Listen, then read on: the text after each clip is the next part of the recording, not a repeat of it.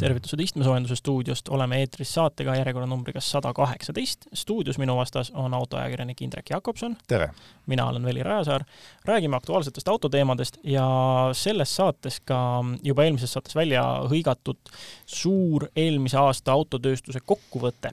aga enne seda alustame päevakajaliste uudistega ja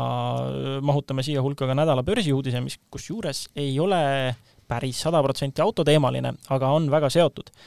Aga äh, alustame ikka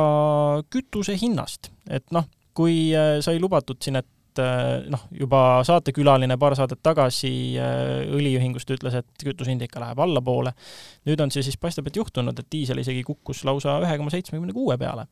Jah, et täna hommikul käisin tankimas ja tõepoolest, kui me meenutame, et eelmises saates rääkisime, et diislikütuse hind on üks euro ja kaheksakümmend kaks senti, siis nüüd on ta kuus senti väiksem ja Brenti naftabarreli hind on ka tulnud märtsi alguse saja viieteist dollarise tipu pealt alla saja, nii et kõik märgid näitavad, et kahe eurost hinda me posti otsas vist lähiajal enam ei näe. väga loodame jah, sest siin äh, isegi, isegi ma väikse paagiga auto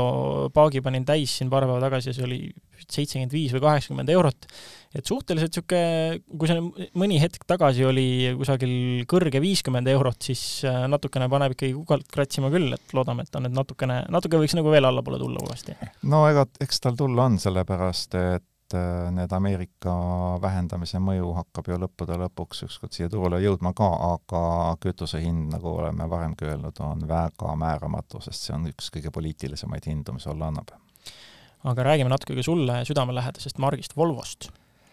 jah, et äh, Volvol tuleb juubel, et Volvo on meil saatenädala juubel, aga meil sellist äh, päris omaette saate saate peatükki ei ole, aga ma tean, Veli ütleb, see ei ole mingi juubel. no et kui palju siis? üheksakümmend viis. ei ole tõesti jah, juubel, juubelini oleks viis aastat minna veel. kui, kui võtta ka klassikaline käsitlus, jällegi ütleme siis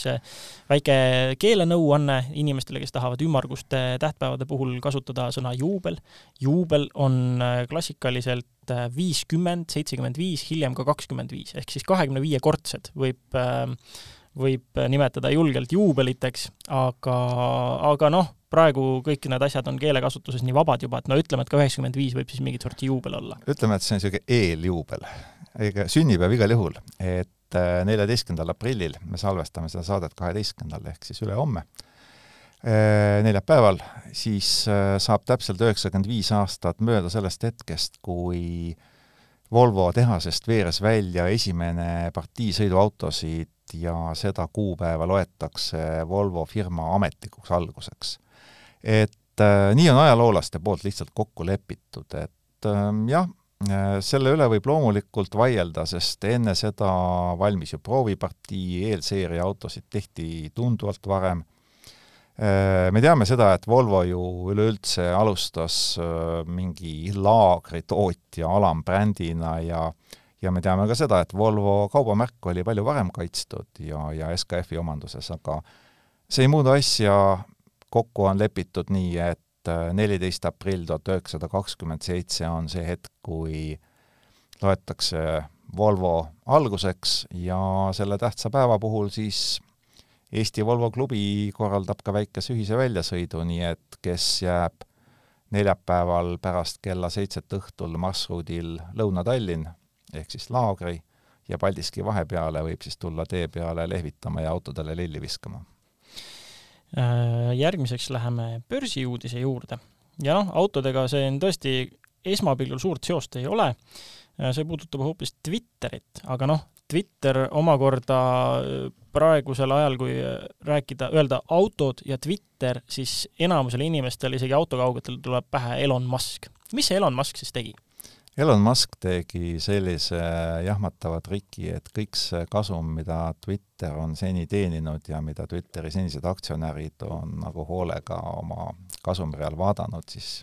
tegi selle täpiks nagu ühe päevaga. et kuidas ta tegi? Mm, ta kahekümne viiendal märtsil alustas Twitteris sellist väikest küsitlust, küsides siis oma tohutu hulga veendunud jälgijate käest, et kas Twitter järgib äh, sõnavabaduse põhimõtteid ja, ja pani siis juurde ka väikese lahtiütluse, et full disclosure, et selle küsitluse tagajärjed on olulised. ja loomulikult ju enamus vastas, et ei, siis Moskva jõudis järeldusele, et Twitter on suutmatu, see õõnestab põhimõtteliselt demokraatiat ja mõtles siis Twitteri vahendusel kõva häälega, mis teha, kas uut platvormi on vaja, mõned arvasid, et on küll, ja siis mõned arvasid, et tema maailma rikkaim mees, kellel siis äh, raha ja muid väärtpabereid kokku umbes kolmesaja miljardi dollari ulatuses, võiks selle ära osta ja nad ei teadnud, et tegelikult Twitterist äh, väga suur osa oli juba Muski taskusse kogunenud ja neljateistkümnendaks märtsiks oligi siis Musk üheksa koma kahe protsendi Twitteri omanik, mis ta on ühtlasi ka kõige suurem aktsionär, ja Twitteri suhtes Muskil küll praegu väidetavalt ei ole mingisuguseid suuri pretensioone, aga pärast seda uudist aktsia hind hüppas kakskümmend seitse protsenti ja Musk sai seitsmesaja kaheksakümne miljoni dollari võrra rikkamaks, nii et võitsid endised investorid, kirusid need, kes müüsid ja ja mis sellest siis tulevikus saama hakkab, paistab, aga teada on ju see, et Twitter on äh, sellise kommunikatsioonivahendina äärmiselt oluline, et oli ju Araabia kevade ajal kõik need rahutused väga paljuski organiseeriti Twitteri vahendusel ja vaatame või praegu seda, mis äh, Ukraina sõjas toimub, et kus kaudu suur hulk infot liigub, et ma arvan, et äh, no veel on vara öelda, et Moskva valitseb maailma, aga suund on küll sinnapoole. no samas jah, tema osalus äh, ei tee temast veel siin, ma saan aru, suurt otsustajat kohe, kuigi ta on suurim osanik. aga noh, kes teab jah, mis ta, mis ta nagu edasi veel plaanib toimetada, et Twitter ju äh, võttis nüüd arendusse ühe, ma ei teagi, kuidas seda nimetas, printsiibi või noh, ühe, ühe ütleme, funktsionaalsuse, et äh, seni postitatud tweet'e saaks muuta pärast avaldamist. et äh, noh, siin muidugi on sellega seotud hirmud, et äh, noh, et kas on võimalik, et seda juba jagatakse, mis iganes sa ütled, et seda juba jagatakse palju ja like itakse ja mis iganes, ja siis sa muudad seal mingi sisu ära, et noh, et siis on ju jama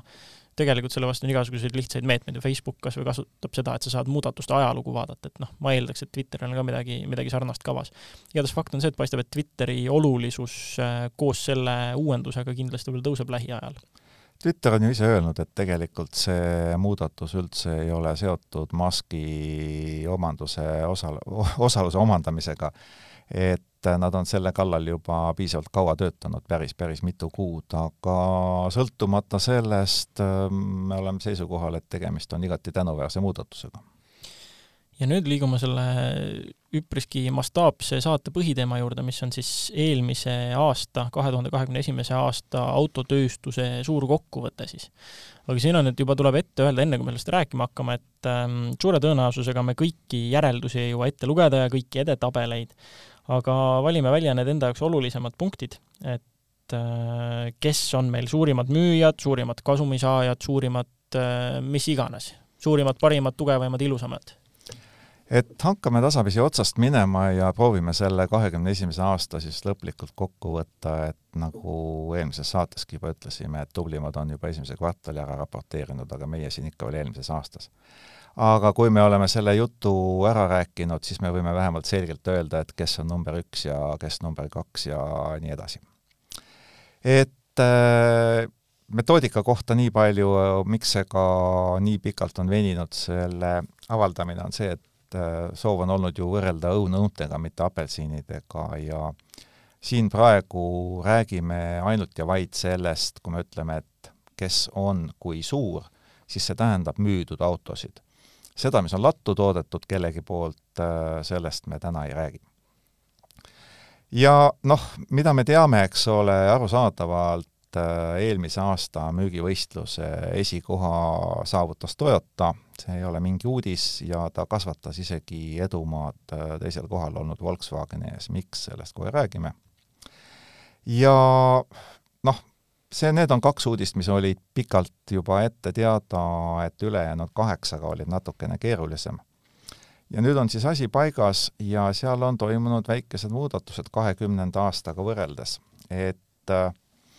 kolmandal kohal on siis sama suur tootja, keda kutsutakse Renault, Nissan, Mitsubishi alliansiks, nad ise armastavad väga seda sõna allianss oma nimes. Et äh, nemad on jätkuvalt, hoiavad maailmas äh, kolmandat kohta. Ja siis äh, kaks järgmist, ehk siis neljas-viies koht on kumbki ühe võrra oma tulemusi parandanud, ehk siis Hyundai on suutnud liikuda vaikselt äh, viienda koha pealt neljandaks ja samamoodi on siis ka Stellantis äh, kena müügi tõttu liikunud kuuenda koha pealt viiendaks aga Daimler, praegu siis Mercedes-Benz Cars nime all, temal läks nii kehvasti, et tema on kukkunud esikümnest välja, aga tema põline rivaal BMW on siis jälle sinna tagasi tulnud. ja mis võib-olla alguses äh, on tundunud äh, pisut üllatav, et meie jaoks nagu Eesti turul ju suhteliselt marginaalne, kuigi väga tubli mudel, Suzuki, on ühe võrra lausa oma kohta tõstnud ja praegusel hetkel üheksandal kohal, nii et äh, kui seda tagumist otsa veel jätkata, siis kuuendal kohal asub meil General Motors, seitsmendal Honda, kaheksandal Ford, üheksandal siis juba märgitud Suzuki ja kümnendal kohal siis leiame BMW. no siin nendest müüginumbritest ka rääkides äh, tasub ära märkida, et esimesel kohal olev Toyota on ainuke, kes siis maagilise kümne miljoni müüdud sõiduki piiri kahe tuhande kahekümne esimesel aastal ületas. peaaegu kümme ja pool miljonit tehti seda müüki, kõik teised jäävad seal juba alla, et äh, Volkswagen äh, lohiseb peaaegu kahe miljoni autoga sabas, et kaheksa koma kuus miljonit müüsid ja kahega siis maas peaaegu ja teised on siin ka, lähevad järjest siis kolmas koht Renault, Nissan, Mitsubishi on seitsme koma seitsme miljoni peal, järgmine Hyundai grupp koos Kiaga siis on juba kuue koma seitsme miljoni peal, kuue koma kuue miljoni peal on Stellantis, General Motorsil oli kuus koma kolm, Hondal juba neli koma üks, Ford ei saanud napilt nelja miljonit täis, Suzuki on kahe koma seitsme peal ja BMW kahe koma viie peal et siin seda, seda top kümmet vaadates mind just üllatabki see, et, et Suzuki on siin top kümnes ja veel eespool BMW-d kusjuures. aga selles ei ole ka midagi üllatavat, sest kui võrrelda tulemusi üle-eelmise aastaga ehk kahekümnenda aastaga, siis Suzuki on top kümnest kõige rohkem oma saavuritust ka parandanud et, et kaksteist koma üheksa protsenti rohkem müüa kui aastal kaks tuhat kakskümmend ja arvestame, et et äh, mullu oli meil nii kiibikriis kui ka koroona möllas ja Suzuki teeb teatavasti enamiku oma müügist Aasia turult, nii et tema jaoks ütleme, äh, arvestades sealseid piiranguid, on see erakordselt tubli tulemus. jaa, absoluutselt, see on noh, üks asi on see meie kohaliku turu kontekst ja mida me siin näeme, on ju, et siin ei ole ka üllatus, et jah, Toyota, Volkswagen teevad siin muudkui oma tegusid, aga jah, see Suzuki siin silma ei paista, aga maailmapildis ikkagi väga kõva tegija, kaksteist koma üheksa protsenti kasv on isegi parem kui Toyota üksteist koma kaheksa protsenti kasv. et tõesti väga kõva töö on tehtud. Ja noh, samas see siin, see müügikasv on kuigi siin mõned, kes on kohti parandanud, on oma müüki niimoodi mõne protsendi võrra parandanud, päris suurtel eesolijatel on see ikkagi kukkunud niimoodi kusagil viie protsendi võrra. et äh, et siin on muidugi see lugu samas äh, veidikene iroonilisel kombel, et kuigi meil on siin olnud pandeemia ja kiibikriis, siis äh, sellegipoolest üheksateistkümne kõige suurem, ühesõnaga siis paari päeva taguse seisuga olid üheksateist suurt autotootjat avaldanud kõik oma majandusaasta aruanded ja igasuguste andmete analüüs oli võimalik ja sellest ilmneski, et, et kuigi eelmisel aastal kasvas müük üle-eelmisega võrreldes vaid kaks protsenti üldiselt, siis käive oli äh, kas see oli nüüd kolmteist protsenti suurem lausa jah,? jah, kolmteist protsenti suurem käive kui kaks tuhat kakskümmend. Ja samas kasvas keskmise uue auto hind üksteist protsenti eelmisel aastal. et see on jälle see, et äh, autotootjad said tõmmata koomale oma allahindluseid ja oma igasuguseid kampaaniaid, ähm, lisada oma autodele, lihtsalt küsida suuremat hinda ja sellega tuua kaasa ikkagi suuremad kasumid, kui need olid äh, eelneval aastal, hoolimata sellest kriisist, et jälle kord see, et meie tarbijatena maksime selle kõik kenasti kinni, nõudlus kukkus, või tähendab, nõudlus kasvas, pakkumus kukkus ja noh, ja nii see, nii see oligi, väga lihtne oli autotootjatel lihtsalt äh, tõsta paar protsenti siit-sealt ja niimoodi ta tuli. vaatame siis nüüd natukene võib-olla või mõne niimoodi top äh, markide sisse ka. Mis siis tuleb meelde, kui öelda Toyota, ilmselt Toyota ja hübriid, see tundub nii kokku käivat juba pea kakskümmend aastat. Aga kui vaadata siis, millega Toyota oma mudeligammat sisustab, siis tegelikult äh, peaaegu veerand ehk siis kakskümmend neli protsenti Toyota müügist ongi hübriidautod ehk kaks koma nelikümmend kaheksa miljonit läks siis hübriidsena välja. ja seda on noh, üllatavalt palju võrreldes teistega Toyota kohta täiesti loogiline number, aga jutt käib siis äh, tavahübriididest ehk mittelaetavatest hübriididest. laetavaid hübriide Toyota tooteportfellis on ainult üks protsent ja pisut üle saja tuhande, et see ei ole Toyotale kuidagi meelelähedane siiamaani olnud. poolhübriide, mida Toyota üldse ei armasta, on siis äh, null koma null seitse protsenti lausa, ehk siis noh, seitse tuhat äh, nelisada autot ainult läks kaubaks ja Toyota kui tuntud kütuseelemendi arendaja, viis tuhat üheksasada müüdud kütuseelemendiga sõidukit on täitsa tubli tulemus.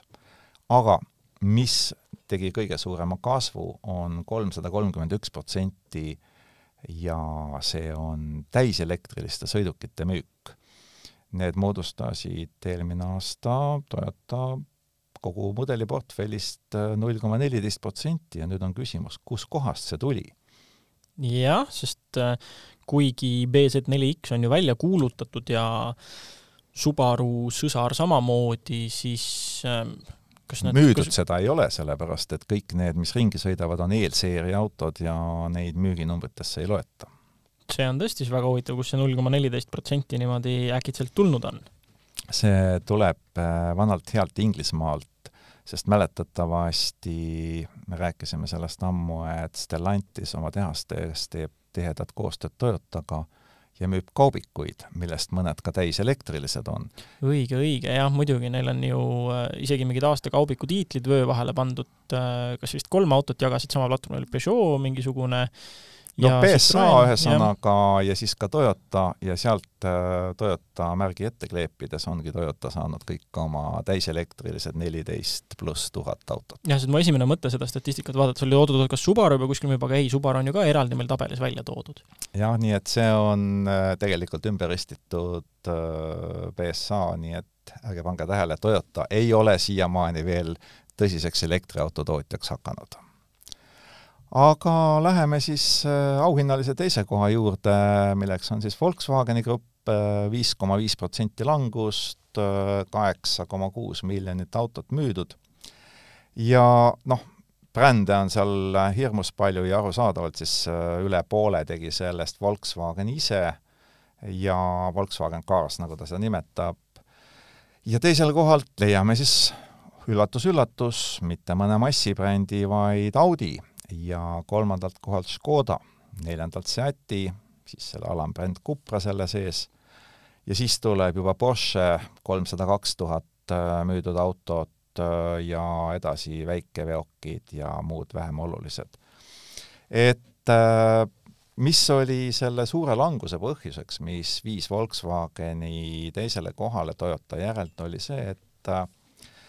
Volkswageni grupil ei läinud Hiinas eelmisel aastal kuigi hästi, et äh, Hiina turg on küll jätkuvalt neile oluline, kolm koma kolm miljonit autot läks seal kaubaks tervikuna, aga kukkumist neliteist protsenti ja see tähendas seda, et äh, tuli piirduda auhinnalise teise kohaga. no päevselgelt suuruselt teine turg on nende jaoks Lääne-Euroopa, oma kaks koma kaheksa miljonit autot, ja siis tuleb äh, Põhja-Ameerika, kus müüginumbrid on juba sellised Teslaga võrreldavad, üheksasada tuhat pluss. ja siis äh, Kesk- ja Ida-Euroopas küllaltki tugev esindatus, ka kuussada viiskümmend kaheksa tuhat autot läinud kaubaks. et äh, kust läks hästi, hästi läks müük Põhja-Ameerikas, hästi läks müük Kesk- ja Lähis-Idas, Aafrikas, noh, suhteliselt hästi läks ka Lõuna-Ameerikas, aga Hiinas ja Lääne-Euroopas äh, ei läinud nii hästi ja Hiina kui suurim turg siis ka selle nagu languse tõi. nojah, siin on see, mida me oleme ka saates varem rääkinud, et hiinlased, äh, hiinlaste elektriauto maitse on eurooplaste ja ameeriklaste omast natuke teistmoodi, et kui meie oleme sellised vanamoodsad ja me tahame näha selliseid ähm, noh, sisepõlemismootoriga juba olnud autosid meenutavaid asju, mida Volkswagen ka peamiselt teeb, siis äh, Hiinas lähevad ikkagi, kui on uus, kui on elektriauto, siis see peab olema ikka väga ufolik ja noh, sama teema, miks seal BMW need hiiglaslikud neerud müüvad ja miks BMW ka Euroopa turul äh, nende neerudega muudkui silma jääb, et et ikkagi selleks, et, et Hiina turul imponeerida ja seal see läheb peale, et, et tundub, et Volkswagen on liiga, liiga turvalist teed pidi läinud Hiina jaoks. või ei ole nad suutnud lihtsalt no kuidagi nagu sellist hiinlaslikku mõttemalli ära tabada, sest äh, saksapärase korrektsusega on lihtne müüa Poolas või Baltimaades, aga jah, hiinlase arusaam heast autost on natuke teistsugune. aga kui vaadata korra markide sisse, ehk siis äh, rääkides just Škodast ja Audist, siis eelmise aasta kõige menukam mudel oli muide Q5 Audi siis tuli Q3 ja siis A6 ehk et äh, kõige menukamad audit läks kaubaks äh, kakssada üheksakümmend kolm tuhat. samas, kui vaadata Škoda äh, mudeli portfelli sisse, siis kõige menukam, noh, arusaadav Octavia, aga see jääb nendest Audidest kaugele maha, et ainult kakssada tuhat läks mullu kaubaks. teisena Kamiq ja siis tuli Karoq. aga Škoda puhul tuleb muidugi arvestada, et Äh, Škodal läks üleüldse kehvasti möödunud aasta, et äh, kaksteist koma kuus protsenti müüdi vähem. ja see on juba peaaegu kaks korda vähem kui audit. noh, pihta said kõik mudelid. ainsad kaks mudelit, kes pihta ei saanud, oli Enyaq ja Kushaq ja ainult seetõttu, et neid eelmisel, see tähendab võrdlusbaasiga kahekümnendal aastal ei müüdud, et mine tea, võib-olla oleks nendelgi kehvasti läinud ja kui rääkida veel kolmandast mahubrändist Volkswageni grupis, siis selleks on Seat ja nendel läks hästi, kümme koma kolm protsenti müüki paremini, nelisada seitsekümmend tuhat autot müüdud. ja tema Cupra alambrändil läks ju eriti hästi, seitsekümmend üheksa tuhat autot müüdud ja loomulikult öö, pole ju küsimus, kust see tuli, arusaadavalt Cupra esimene selline päris oma Cupra, Cupra Formentor see siis äh, tegi ka Kuprale selle suurepärase tulemuse ja eks tänu sellele ka kogu Sätt ennast eelmise aastaga võrreldes nina vee peale vedas. jaa, absoluutselt, sest vaadates neid numbreid, siis nii, kümme koma kolm, kolm protsenti kasvas Seati, Seat Grupi müük, on ju, neljasaja seitsmekümne tuhandeni, sellest kümme protsenti on kusagil nelikümmend seitse tuhat ja kui Cupra tulemus oli peaaegu kaks korda parem kui eelneval aastal ja seda seitsmekümne üheksa tuhande autoga, sellest pool on ka kusagil nelikümmend tuhat et väga-väga suuresti tõesti tänu Kuprale see, see on toimunud ja just Formentorile. kusjuures Formentorist on meil istmesoojenduse saates päris kaua aega tagasi juba juttu ka olnud, aga Akseka lehelt veel paraku proovisõidu loona kirjalikult seda ei leia, aga no me parandame selle vea millalgi siin lähitulevikus. ausõna. võtame aga ette nüüd kolmanda koha, Renault, Nissan, Mitsubishi alliansi räägime siis sellest, kuidas, äh, mis, mis siin sees toimunud on ja noh, ma juba ütlen oma vaatluse põhjal, et äh, mis mulle nagu Eesti põhjal tundub, et äh, Renault on nagu kõige kõvemini pildis, Nissanil põhimõtteliselt on ainult Qashqai enam-vähem siin uutest ja noh, lubatud tulemas mingisugused äh, bensiinimootorit generaatorina kasutavad elektriautod, on ju, ja noh, Mitsubishi on üldse nagu pildist väljas, et kas see nüüd siin üleüldist tabelit vaadates peegeldub see selline tõdemus? kui kogu alliansi sisse vaadata, siis tõdemus on muidugi tsipa teistsugune. et äh, jah, Mitsubishi müük tõepoolest on olnud äh, suhteliselt väike kogu selles kontsernis, aga ta on teinud tubli kasvu, kaksteist protsenti aga ligi poole tulemusest tegi hoopis Nissan ja Renault teatavasti, Renault tulemustest oleme ju ammu rääkinud, et äh, müük tal küll kukkus, aga käive ja kasum paranesid ja Renault läks eelmisel aastal kaubaks umbes kaks koma seitse miljonit autot ja seega ta on selline kolmandiku tegija kogu sellest suurest. Noh, siis me oleme lihtsalt Nissani asjades nagu selles mõttes maha jäänud, et meile need head asjad ei ole veel jõudnud, mis mujal juba mühinal müüvad, on ju. aga see on ju loogiline, sest äh, Nissani peamine turg on Hiina, seal läks äh, sellest neljast miljonist ligi kolmandik kaubaks,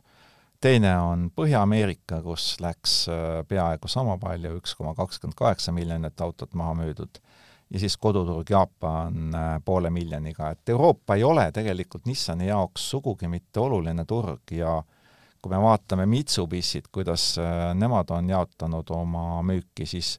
seal on ju täiesti selgelt, et kogu sellest äh, alla miljoni müügist kolmandik läks hoopis Aasiasse,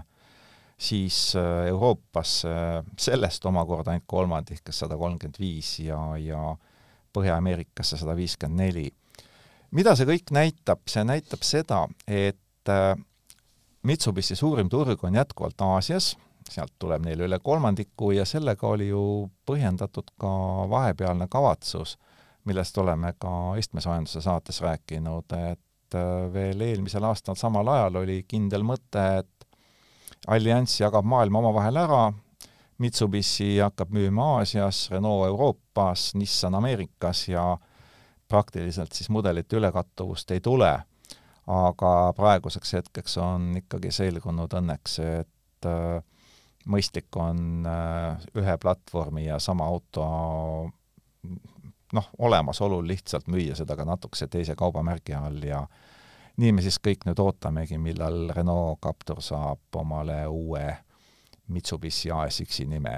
võib-olla natuke teistsuguse kuju ka, aga ilmselt mitte väga, sest miks peaks?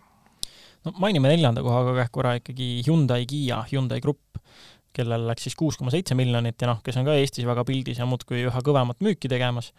Äh, neil siis äh, Hyundai'l läks kaubaks peaaegu kolm koma seitse miljonit autot, Hyundai Lux brändil, alambrändil Genesisel läks kakssada tuhat ja Kiia siis kahe koma peaaegu kaheksa miljoni autoga nende järel. et Genesis on arusaadavalt äh, kasvav bränd, mahud väikesed, kasvunumbrid selle eest suhteliselt suured, et eelmise aastaga suutis viiskümmend kaks protsenti müüki kasvatada Kiia rohkem, Hyundai kõige vähem, aga absoluutnumbrites Hyundai on jätkuvalt ees. nii üleilmselt äh, kui ka oma koduturul Lõuna-Koreas, seal samamoodi Hyundai müüs pisut paremini kui Kiia, et Hyundai'd läks seal kaubaks äh, seitsesada kakskümmend kuus tuhat autot ja Kiial siis viissada kolmkümmend viis. väike edumaa, mitte suur, aga noh, mis näitab selgelt, et tegelikult Hyundai kuigi ennast positsioneerinud pisut kallima eh, ja Kiia pisut sportlikuma margina, ikkagi Hyundai suudab siiamaani natukene paremini müüa. vaadates, kui palju tootjaid on veel rääkimata, siis eh, tundub, et eh, tuleb päris mitu tootjat lükata järgmisesse saatesse ikkagi ja nad seal ära rääkida, et meil on puha puutumata veel Stellantis, General Motors, Honda, Ford, Suzuki, BMW, Subaru, Daimler, Geely, Volvo Äh, Tesla loomulikult, et äh, kõigist neist äh, räägime järgmises saates, aga läheme praegu pika hüppega kohe edasi nädala proovisõidu auto juurde, milleks on Volvo esimene elektriline pääsuke XC40 Recharge. Ja sellega nüüd Accelerista ridadest on sõitnud Erik Herald, kelle lugu pole paraku ikka veel ilmunud, ja Indrek, kelle lugu läks juba eelmisel nädalal üles, et kuidas siis, kuidas siis su esimesed emotsioonid sellega on, tegu on ütleme siis sellise mm, pigem väiksemat sorti linnamaasturi kujulise elektriautoga. Ehm, kuidas siis see Volvo esimene on, mis mulje ta jätab, sa oled neid elektriautosid uusi siin igasuguseid läbi sõitnud ju? Ma mõtlesin siia stuudiosse jalutades, et äh, mängiks natukene hobisemiotikut. ja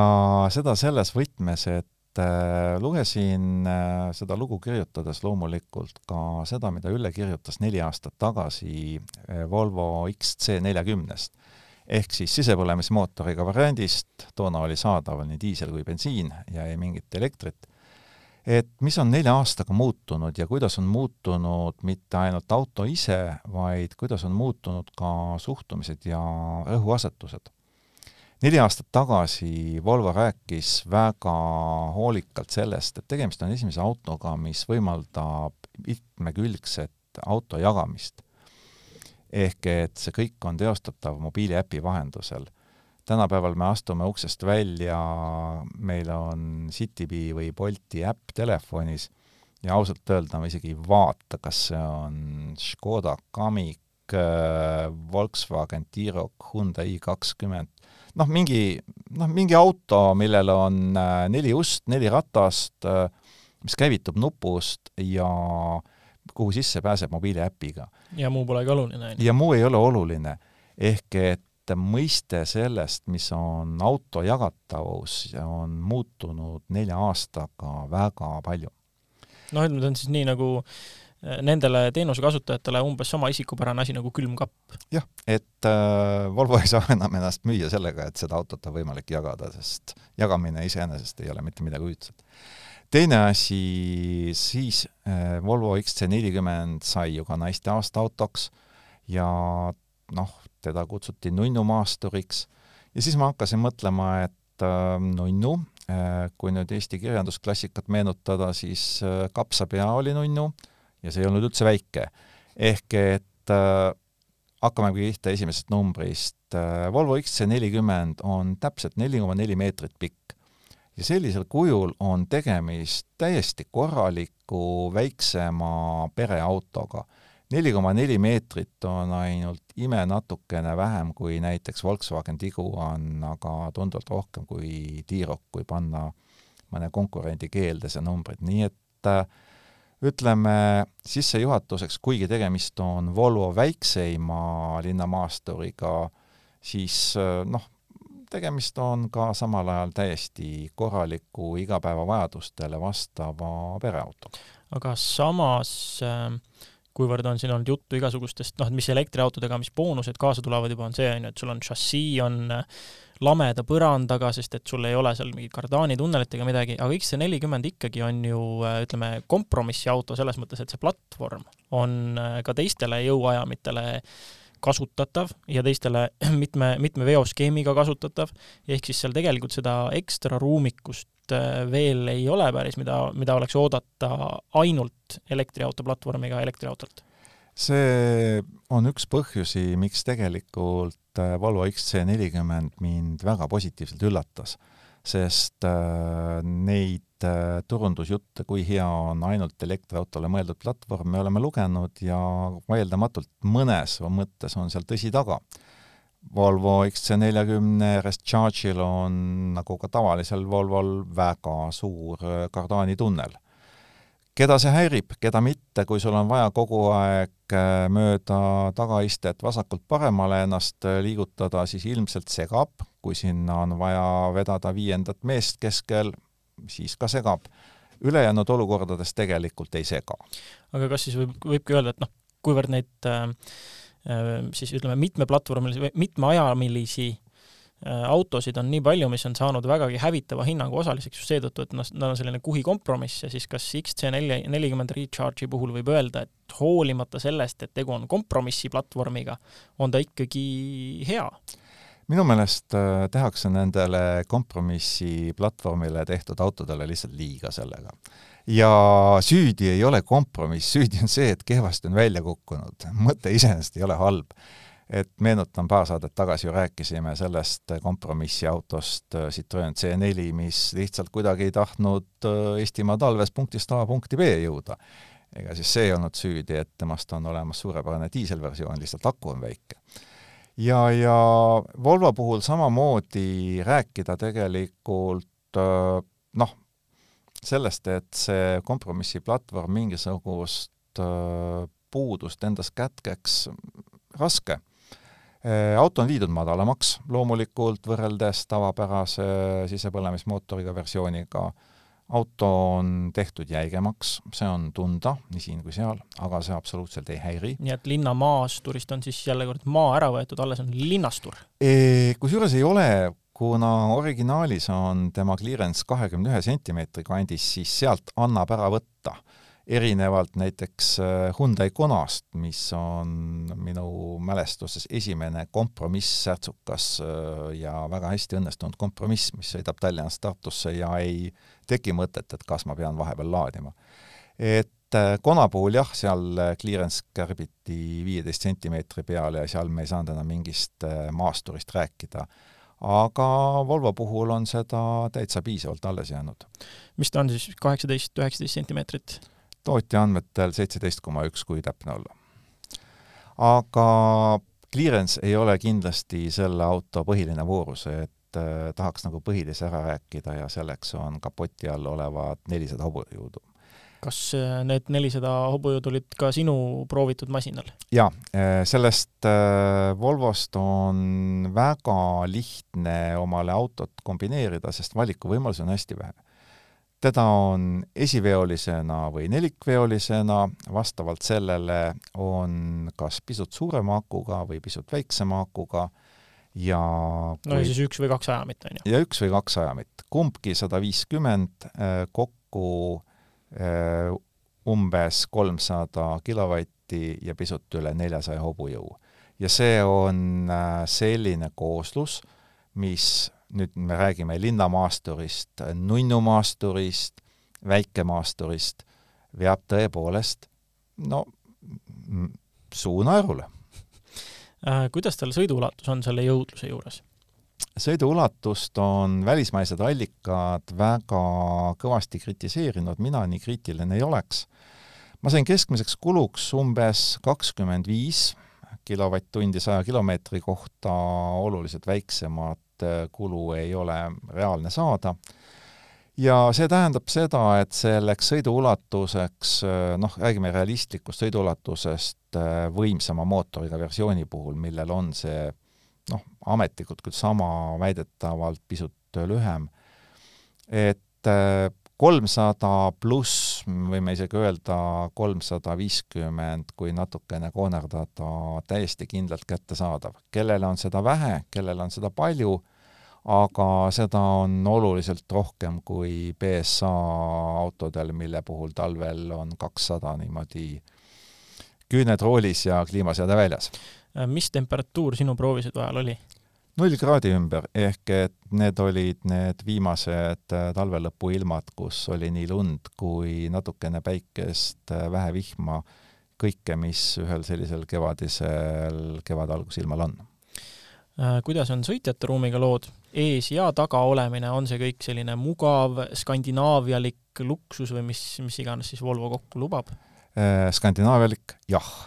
Äh, luksus mm, pigem ei, tähendab mitte midagi ülepakutut selles mõttes, et kõik on väga mõistlik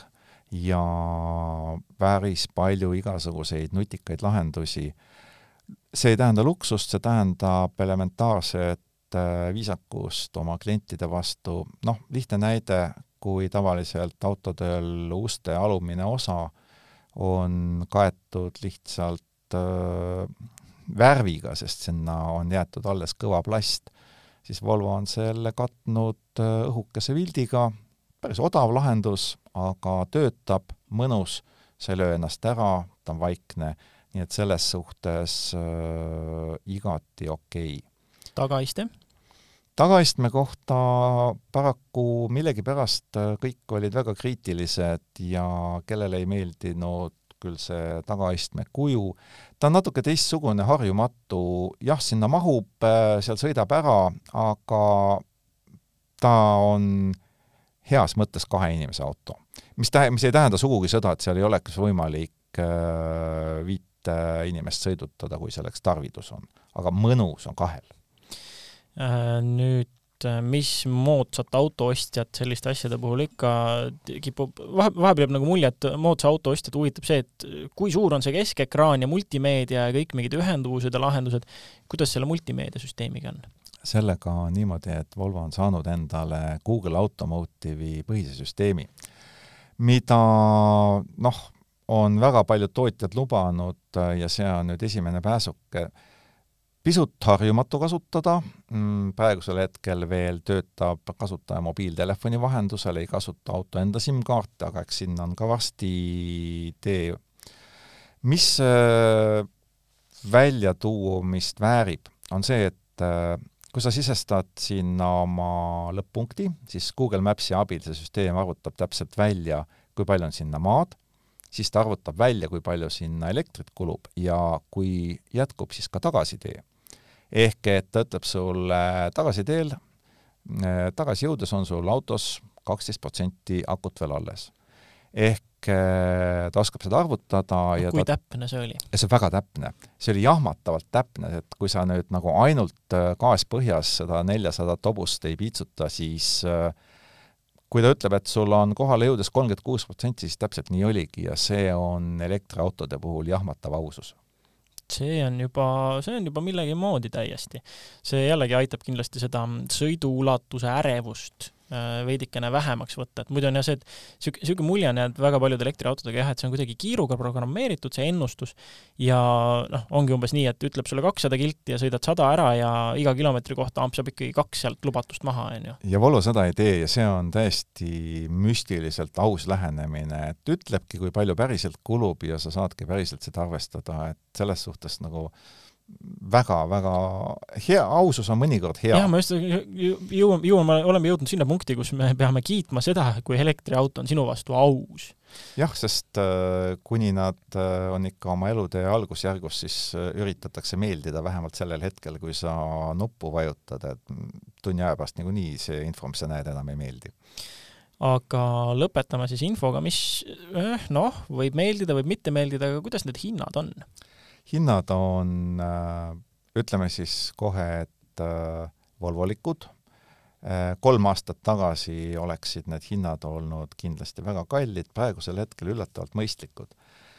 hinnad hakkavad pihta tegelikult küllaltki arukalt tasemelt nelikümmend seitse tuhat nelisada seitsekümmend viis eurot, see on siis